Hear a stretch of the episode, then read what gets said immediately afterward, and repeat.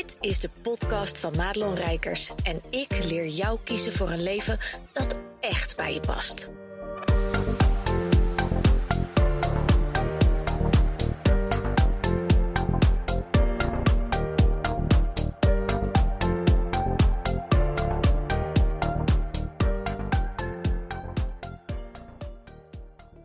Hey, wat goed dat je luistert naar deze podcast. En deze podcast staat geheel in het teken van wat ik beloofd had nog te doen. De hele aanloop naar het No Sales Event en, en de uitloop. En uh, ik ga je even meenemen in um, ja, de behind the scenes die je niet door hebt gehad mogelijk, maar die dus wel plaats hebben gevonden. En ik denk dat dat belangrijk is uh, om daar gewoon een aantal lessen uit te trekken. En ook voor mezelf, maar vooral ook dat jij kunt horen dat hè, als je erbij bent geweest, vooral. En dan weet je natuurlijk hoe het aan de voorkant, um, hoe het bij jou binnen is gekomen, uh, wat het met je gedaan heeft, hoe het eruit zag, de vibe die we hebben gecreëerd. Want even eerlijk, ik kan nu natuurlijk zeggen hè, in retrospectief, het was een fucking succes. Het was meer dan ik ooit had durven dromen. Um, het was, ik, ik heb er nog steeds niet helemaal de woorden voor. En dat is heel grappig, want ik, you know me, ik zit niet zo heel gauw zonder woorden. Maar het enige wat ik me kan bedenken als mensen zeiden hoe was het, dat ik voor mezelf kan voelen dat het een diep spirituele ervaring voor mij is geweest. En, en niet alleen die dag, maar gewoon het hele event. Um, maar wel ook die dag. Ik heb het zo naar mijn zin gehad. Ik vond het zo mooi. Um, en dit smaakt ook echt naar meer. Want dit was natuurlijk voor het no sales event. Maar als ik dan kijk naar mijn eigen bedrijf, denk ik: oh, ik kan dit natuurlijk ook gewoon voor mijn eigen bedrijf doen. En dan is het, dan is het niet belangeloos per definitie, hè, want dat gaat over mijn bedrijf. Um, maar, maar de vorm waarin je dit doet, of waarin ik dit dan doe, ja, die past wel heel erg bij mij. En, uh, en, en ik zit daar echt ook als een vis in het water. En dat neemt niet weg dat ik niet nerveus was of zo, maar het was zo mijn plek. En, en um, nou ja, ik, ik zal ook beginnen met het, met het, het, het voortraject. Want um, als het nou gaat over moeiteloos, ik heb natuurlijk een podcast opgenomen hè, over, over moeiteloos, wat altijd wel moeite kost, maar, maar niet zozeer energie. Ja, dan was dit hele event was echt een moeiteloos iets. Dat idee greep me. Ik heb meteen eigenlijk actie uitgezet, want ik ken mezelf als ik dat niet doe. Hè, dan, dan was het hele, hele event er nooit gekomen. En alles liep. De mensen die ik voelde, um, die erbij moesten zijn, als spreker, als gast, als, in welke vorm dan ook, die zeiden eigenlijk allemaal ja, op een paar na. Um, en die, die, hadden ook gewoon echt hè, een hele legitieme reden. En zelfs de nee was oké, want door die nee ontstond er iets anders. En dat is natuurlijk wel vaak hoe het universum werkt. En je voelt iets, je, je krijgt broodkruimels, die ga je volgen. En dan vult het brein al in, oh dan is dat het. Maar eigenlijk is soms dat de weg naar iets anders, wat misschien wel beter is voor het grotere geheel. En ja, zo is dit allemaal verlopen. En wat er op een gegeven moment gebeurde, dat was natuurlijk naarmate er een, een buzz uh, kwam met dubbel Z, um, voelde je ook dat, dat mensen getriggerd werden van hé, hey, wat, wat gebeurt daar? En ook mensen die mij niet kennen, hè, van nou, wie, is die rijkers dan eigenlijk? En um, ja, ineens kwamen er ook gewoon uh, mensen die uh, vroegen ja, waarom, waarom uh, ik niet? Hè? Of, of uh, kreeg ik berichtjes van, goh, heb je nog plek op je podium voor mij als spreker? En ja, op dat moment waren we al vrij ver natuurlijk in, in de voorbereidingen. Dus dat hele programma, dat stond al. Maar het was interessant wat er gebeurde, want er zijn natuurlijk heel veel mensen die qua topic en qua dingen hierbij passen. En dit event is echt vanuit mijn, ja, bijna mijn tenen. Het is niet eens mijn onderbuik, maar echt mijn tenen, zo diep kwam het. Um, en dat betekent dus ook dat ik bepaalde keuzes heb gemaakt die misschien niet voor iedereen heel duidelijk waren. Van waarom, waarom doet ze dat zo? En waarom kiest ze bijvoorbeeld die mensen? Want het was een ja, best wel eclectisch geheel, mag ik wel zeggen, die dag. We hadden Tineke, we hadden Marissa, we hadden Kim, we hadden Richard en ikzelf. En er zijn heel veel mensen natuurlijk te bedenken die uh, ook op dat podium hadden kunnen staan. En toch voelde dit clubje voor nu, dit jaar, heel kloppend. En uh, ik zeg ook nu dit jaar, want ik heb al lang gevoeld, en dat was ook in die hele aanloop al, dat, dat dit wel eens de legacy kan zijn die ik zo diep van binnen voelde. En ik dacht dus, en het is grappig hoe dat werkt, hè.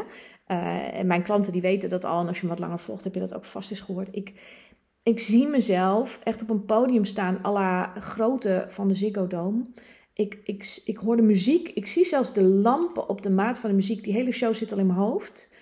Ehm, en mijn brein heeft daarvan gemaakt dat dat dan blijkbaar voor mijn bedrijf moet zijn of over mij moet gaan. En de grap is dat ik dus tijdens dit regelen van het event ineens het inzicht kreeg: wat nou?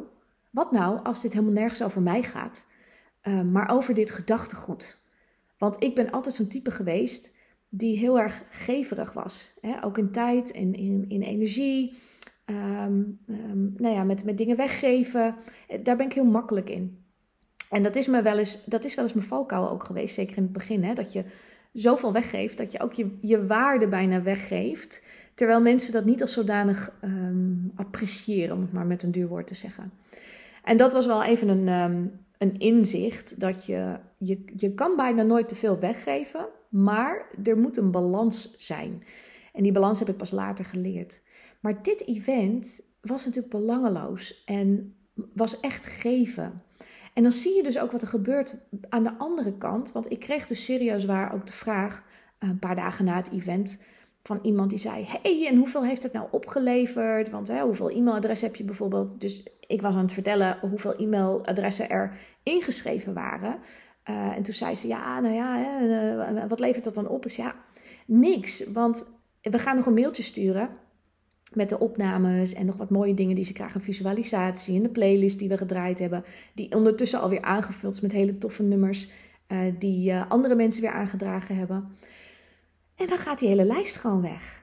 En, en voor mij is dat echt het ultieme gevoel van iets gecreëerd hebben. En het dan volledig weer durven loslaten. En, en het op een ander moment, hè, misschien wel volgend jaar. En misschien zelfs wel live, hè, als al die shizzle voorbij zijn en het dan weer hercreëren. Zodat er ook weer nieuwe, nieuwe ruimte ontstaat. En je niet op die oude energie ook doorgaat. En ja, ik, ik moest het haar echt aan haar verstand brengen. Dat er dus geen verdienmodel was. En, en dat er dus geen, geen enkele um, e-mailadres op iemand zijn lijst kwam. Want die lijst die staat in mijn, ik heb een Active Campaign. En dat heb ik door mijn technische VA helemaal laten scheiden. Dus dat er een aparte lijst is voor no sales event.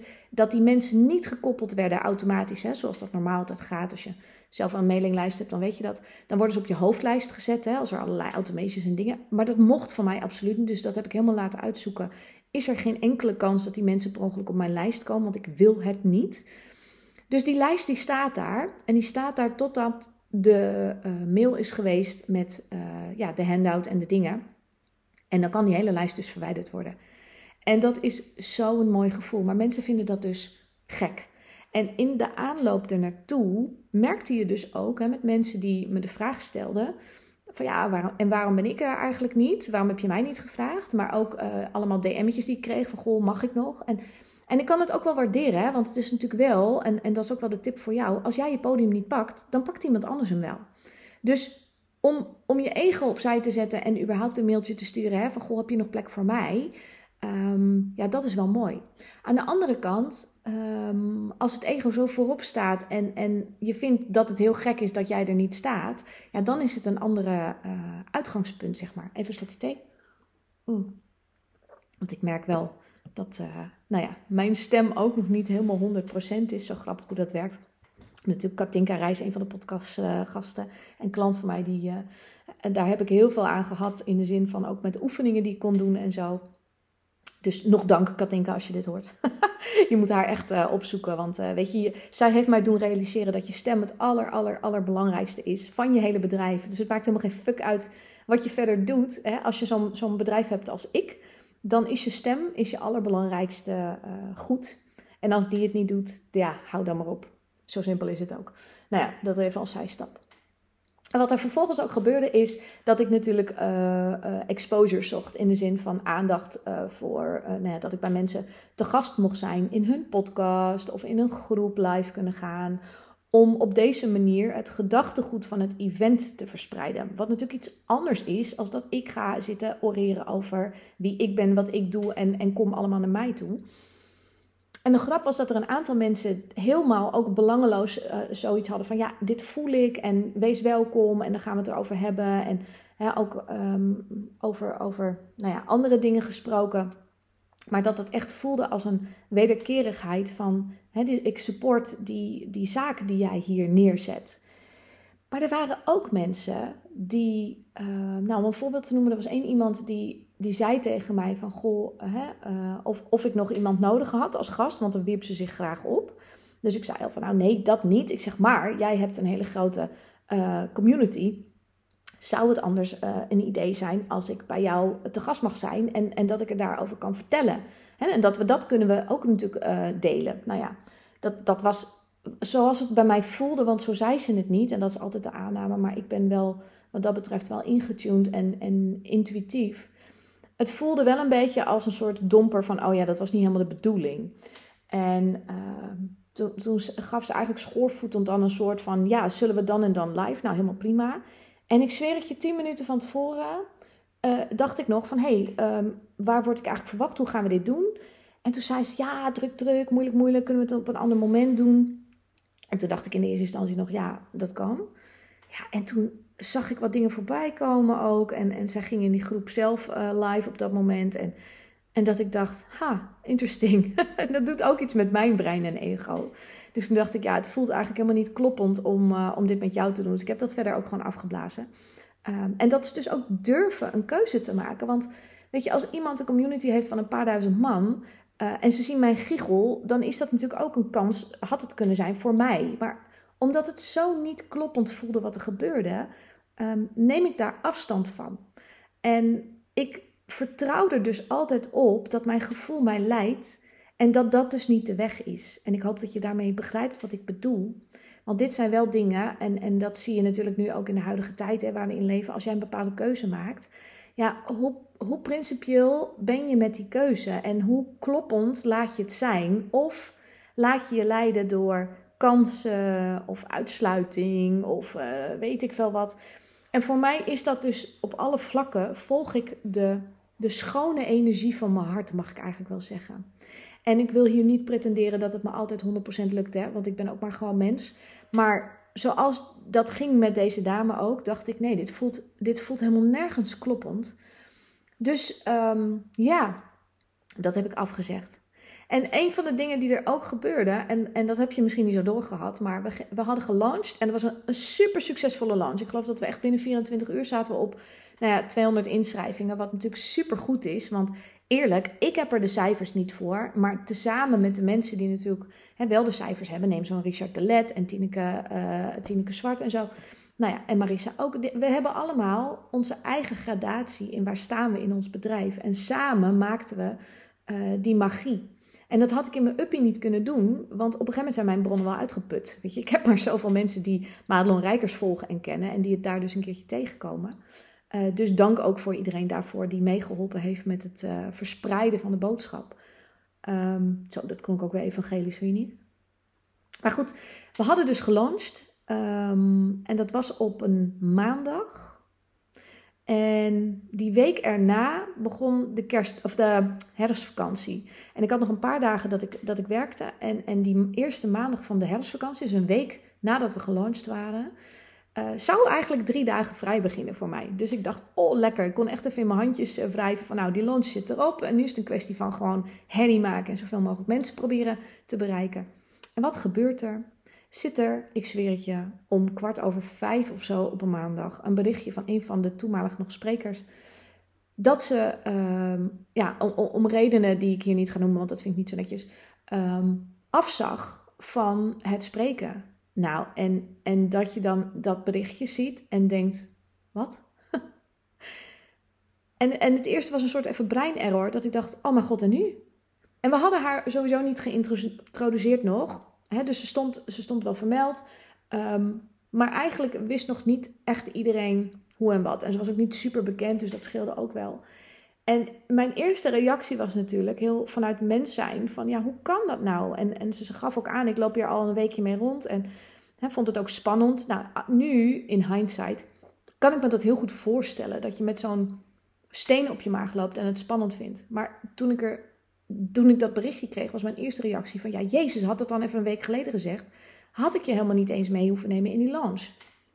Maar wat er vervolgens gebeurde, en dat heb ik echt te danken ook aan uh, mijn Marina, Marina Curvers. Zij is mijn, uh, mijn VA, OBM, hoe je het noemen wil, hè, online business manager.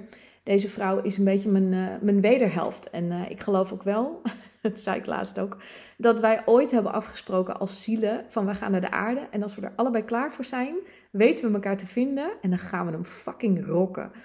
Nou ja, zo gezegd, zo gedaan. En zij was ook degene die op dat moment zei: Joh, no problem, komt goed, we regelen het.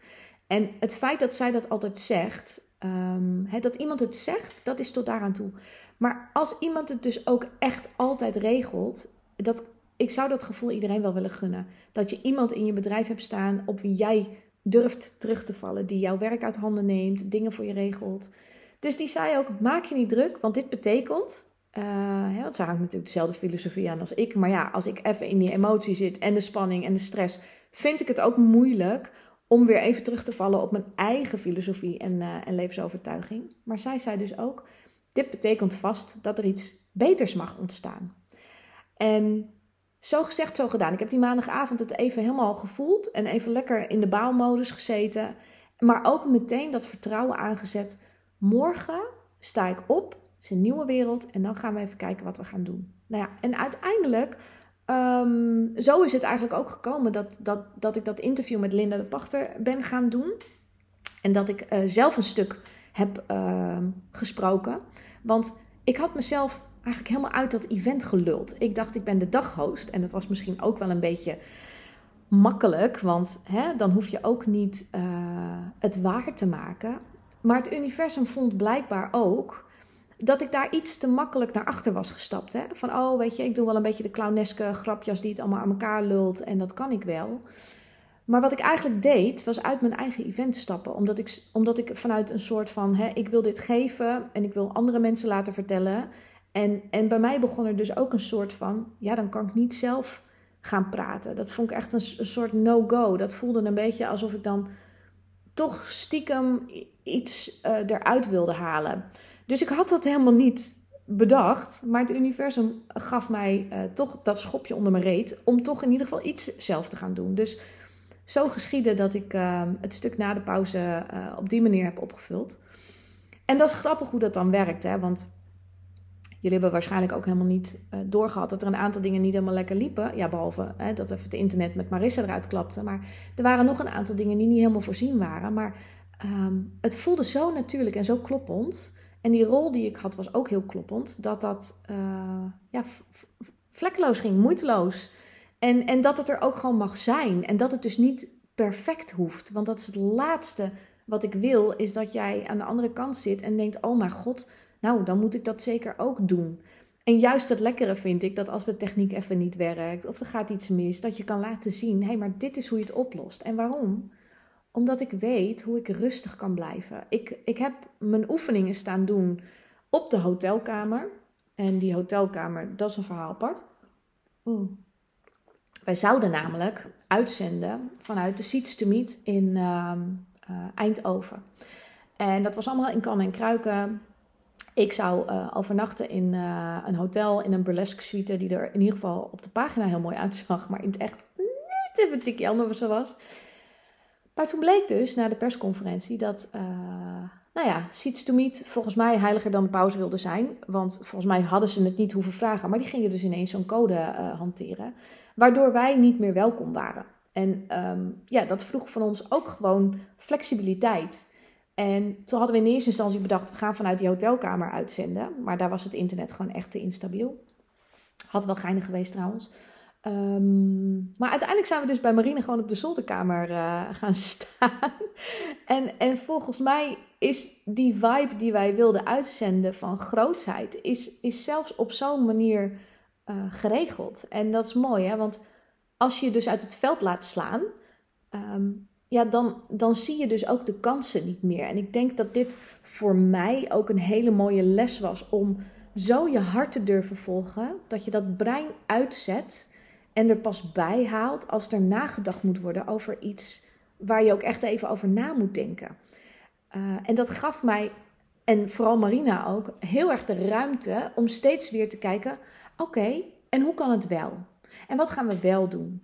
En vanuit die energie ontstaat er dus magie. En ik hoop dat we dat over hebben kunnen brengen. Ik denk het wel, want als ik nu dus de, de, de, de reviews, uh, nou ja, de chat. Ik heb het niet helemaal meegekregen, maar Marina zei uh, dat, het, dat het prachtig was. Um, we hebben natuurlijk heel veel stories. Je kan op het, het NSE-account en op mijn Instagram-account heb ik een uh, aparte highlight. ja, waar eigenlijk alles nog eens even in staat en zo. En hoe mensen transformaties en, en, en beweging en blokkades opheffen. Ja, het, het was precies het doel om mensen aan te zetten. En ik denk echt dat dat gebeurd is. En ik hoop ook met heel mijn hart dat als je erbij was en je zit te luisteren, dat je op dit moment nog steeds aanstaat. En dat is wel een beetje waar mijn twijfel komt van hoe, hoe hou ik je aan? Want ik weet als geen ander dat je helemaal de hemel in geïnspireerd kan zijn als je bij zo'n event bent. En, en moet je je voorstellen wat er gaat gebeuren als we dit ooit live kunnen doen. Hè? Ik zie dat al helemaal voor me. Dat we dan ook echt met een ticketverkoop gaan. En dat we dus de winst die er overblijft gaan doneren aan goede doelen. Die we van tevoren gaan bepalen. Die echt ook gaan over ondernemerschap en de wereld een beetje mooier maken. Dus niet lukraak stichting, weet ik veel. Dat kennen we allemaal wel. Maar we gaan het echt anders doen. Ehm, maar dat je dus... Uh, ik ben heel even mijn zinnetje kwijt, want ik nam natuurlijk weer een, uh, een uitstapje dat je dat, die, die vibe, ja, die inspiratie, dat, dat je die vast moet houden, omdat je daarna, hè, en ik noemde dat voorbeeld die donderdag ook, het, het stopt. En dan ga je naar beneden of waar je, van waar je dan ook gekeken hebt. En dan kom je eigenlijk in, um, nou ja, als je kinderen hebt, kom je in spitsuur met eten en dingen. Je gaat de file misschien in, zoals ik deed. Uh, je zet het nieuws aan, je bent meteen overspoeld allerlei uh, shitzooi. Uh, of je kijkt even op je Facebook en je ziet daar weer iedereen met elkaar rellen. Nou ja, dat zijn allemaal van die dingen. Je, je wordt heel snel uit je vibe getikt. En ik heb die vrijdag heb ik, uh, in mijn bubbel gezeten. Ik was moe, ik was uh, emotioneel, want ik had natuurlijk van woensdag op donderdag... Nou ja, misschien twee uur geslapen en niet eens echt aan elkaar. Maar dat kwam door allerlei redenen met seks onderstellen in dat hotel. de spoor ernaast, nou weet ik veel.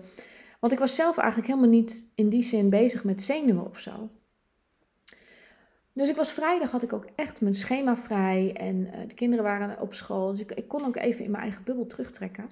Maar ook ik werd heel snel weer naar de realiteit. Of nou realiteit is natuurlijk ook maar een begrip. Maar ik werd heel snel weer naar een andere frequentie getrokken. Doordat er weer allerlei shizzle was. Waarvan ik echt meteen ook gewoon.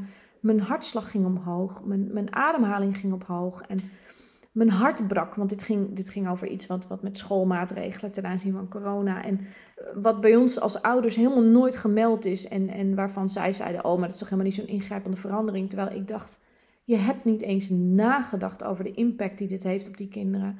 En mijn kinderen gaven dat dus ook aan. Dus mijn hart brak. En weet je, ik kan het voor mezelf allemaal heel goed in, in banen leiden. Ik weet heel goed ook wel hoe ik me af moet sluiten, hoewel dat niet altijd lukt. Maar dat was dit weekend, kwam me zo binnen. En als het over mijn kinderen gaat, dan word ik ook gewoon die leeuwin. Weet je, ik, ik bijt echt je kop eraf. Dus daar viel voor mij ook weer een hele mooie les te leren. Die ik nog steeds heel lastig vind. Want ik zeg het allemaal met droge ogen nu. Maar ik, uh, weet je, intern kan ik hem ook nog niet helemaal pakken. van mijn kinderen blijf je gewoon fucking af. Klaar. Uh, en ik doe er alles aan om ze zoveel mogelijk te beschermen tegen al die rare toestanden die er gebeurt. Al die angstfrequentie, al die die, die boodschappen die ze die kinderen meezenden. Uh, mijn zoontje zei letterlijk: Ja, het voelt alsof ik nu een levensgevaarlijk patiënt ben voor de juf. Ja, jongens, waar zijn we dan mee bezig? Nou ja, goed. Dat is even wat anders. Maar het gaat er dus om dat die ongelooflijke high vibe, waar ik nou vanaf donderdagochtend vroeg tot ja, vrijdagavond in heb kunnen zitten, dat die snoeihard naar beneden getrokken wordt. Um, en dat ik hem eigenlijk naar beneden laat trekken. Dat is wel de bottom line.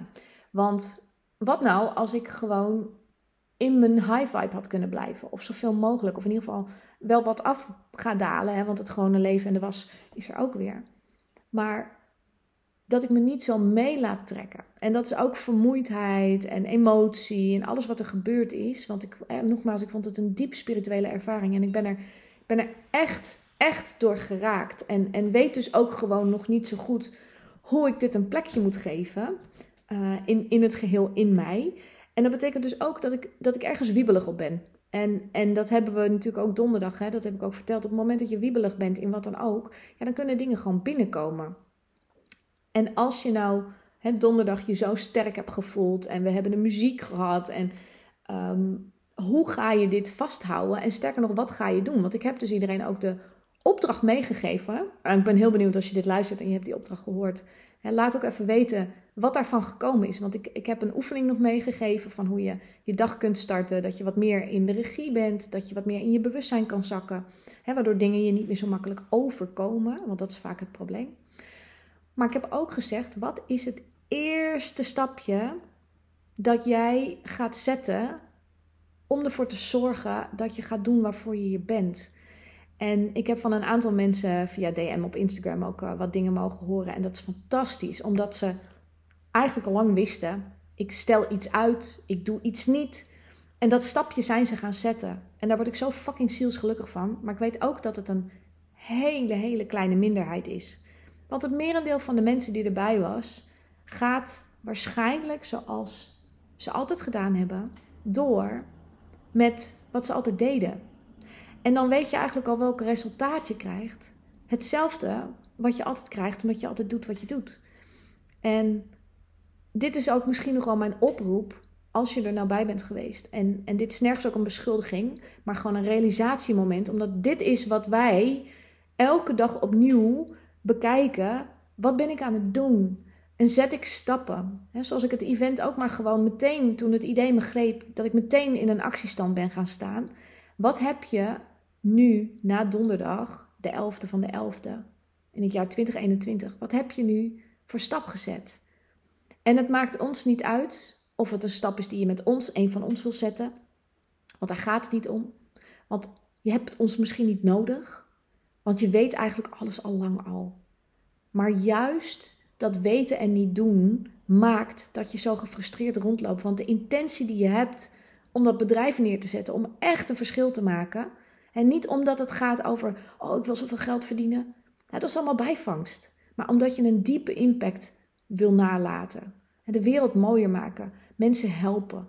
Maar wat heb je voor stapje gezet, zodat je dat ook echt kunt gaan doen op een manier die je voelt? Want waarschijnlijk ben je al bezig, maar jij voelt dat er dingen zijn die je niet doet. En dat is wel waarvan ik denk: oh, ik heb je zo aangezet donderdag, de 11e.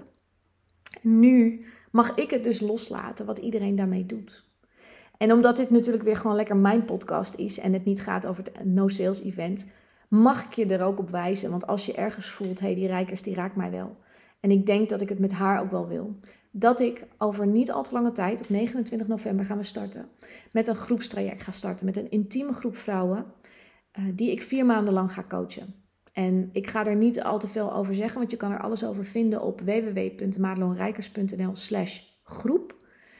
Maar als je voelt, ik ga dit niet alleen doen, dat weet je namelijk al. Hè? En dat is ook de reden waarom ik uh, tot nu toe ook altijd nog een coach heb gehad. Omdat als je mij in mijn uppie laat, dan zijn er dingen die ik niet doe. Omdat ik ze spannend vind. Of omdat ik niet zo goed weet hoe ik het dan moet doen. En dan doe ik het dus niet. En daarvoor zijn wij te belangrijk. En ik kan het niet vaak genoeg benadrukken dat de wereld ons nodig heeft. En jou ook. En dat als ik dit neer kan zetten, ik ben niet anders of bijzonderder dan jij. Ik ben alleen wat vaker al die stappen aan het zetten. Dus ik weet ook gewoon makkelijker hoe dat moet. En ik wil je er heel graag bij helpen om dat ook te gaan doen, zodat je die impact kunt maken. En voor wie het wel en niet is, die groep, dat kun je allemaal op de website lezen. En ik doe ook één op één trajecten. Dus als je voelt hè, van nou, ik, uh, ik ben niet uh, van de groep en ik ben ook ergens anders met mijn bedrijf dan waar de groepsmensen misschien staan. Uh, maar ik wil toch iets met die rijkers. Dan voel je ook welkom om dat met mij te delen. Want ik doe altijd, ook voor deze groep, eerst even een match call, noem ik dat. En dan gaan we in gesprek om te kijken, ben ik en is dit aanbod voor jou nu de juiste stap? Want ik ben heel eerlijk in, ik heb al een aantal mensen gezegd dat dit niet de juiste stap is. En wat ze wel als eerste juiste stap zouden moeten doen. En mijn doel is om jou te brengen naar waar, wat jij nu nodig hebt. Hè? Niet over een jaar, want dat zien we dan wel weer, maar wat jij nu nodig hebt om uh, te gaan groeien. Want weet je, sommige antwoorden waar je nu op zit te wachten, die gaan niet komen als jij geen stappen zet. Omdat die antwoorden, die broodkruimeltjes zo gezegd, die zitten verstopt in de volgende acties. Dus als jij die acties niet gaat doen, ga je die broodkruimels niet vinden. Dus als je voelt, hè, van misschien moet ik wel met Madelon in gesprek, maar je vindt het spannend, Durf er maar op te vertrouwen dat ik een broodkruimel voor je heb. En misschien is het mijn groep. En misschien is het mijn trajecten één op één. En misschien zeg ik nee, ik ben nu niet de stap voor jou, maar ik weet wel naar welke stap jij wel moet gaan. En dat ga ik je dan vertellen. Want zo'n matchcall is eigenlijk ook niks anders dan een coachcall, waarin ik goed naar je ga luisteren. Want dat is natuurlijk wat ik doe. En je vervolgens teruggeef wat je kunt gaan doen. Dus als je dat voelt, voel je dan vrij om mij te boeken. Ik zou er niet te lang mee wachten, want mijn agenda is altijd vrij snel gevuld. En die groep, als je voor de groep eh, gaat, die start natuurlijk al vrij snel ook. Maar voel je daar welkom in. En als je dit hoort en je denkt, nou, ik voel helemaal nergens uh, dat ik iets met jou wil, maar je hebt wel op basis van wat ik je allemaal net verteld heb, dat je denkt, ja, ik zit ook een beetje te slakken en ik doe nog steeds eigenlijk niet wat ik zou moeten doen, ga dan vandaag, pak een journal, pak een blaadje en een pen. Het hoeft niet eens een journal te zijn, maar ga eens even schrijven. Wat doe je nu niet dat je wel zou moeten doen? En als je het dus niet weet, dan mag je je ook bij mij melden. Want dan help ik je om concreet te maken wat jouw vraag nou eigenlijk is. op het moment dat je dat weet, kun je dus ook het antwoord zoeken. Ik hoop je snel te zien. Goed dat je luisterde naar deze podcast. Wil je meer van mij weten? Check dan snel mijn Instagram of kijk op www.madelonrijkers.nl.